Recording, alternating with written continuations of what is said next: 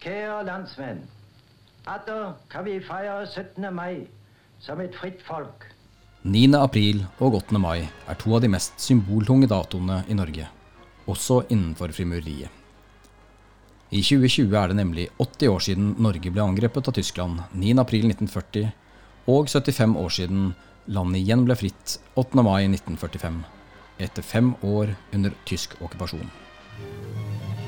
Rettferdigheten skjer fyldest.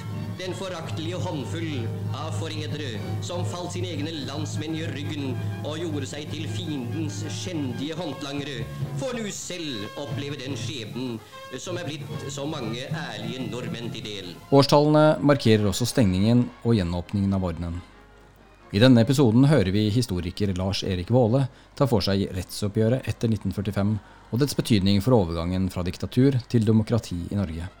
Og vi skal få høre om hvordan Den norske frimurordens interne oppgjør med landssvikerne foregikk, og hvilke konsekvenser dette fikk for brødre som hadde vært medlemmer av Nasjonal Samling, eller på annen måte hadde hjulpet okkupasjonsmakten gjennom fem lange krigsår. Fem års krig og savn var over, og folk kunne igjen i frihet gi uttrykk for sine lengsler og sin glede over at fem års mareritt var over.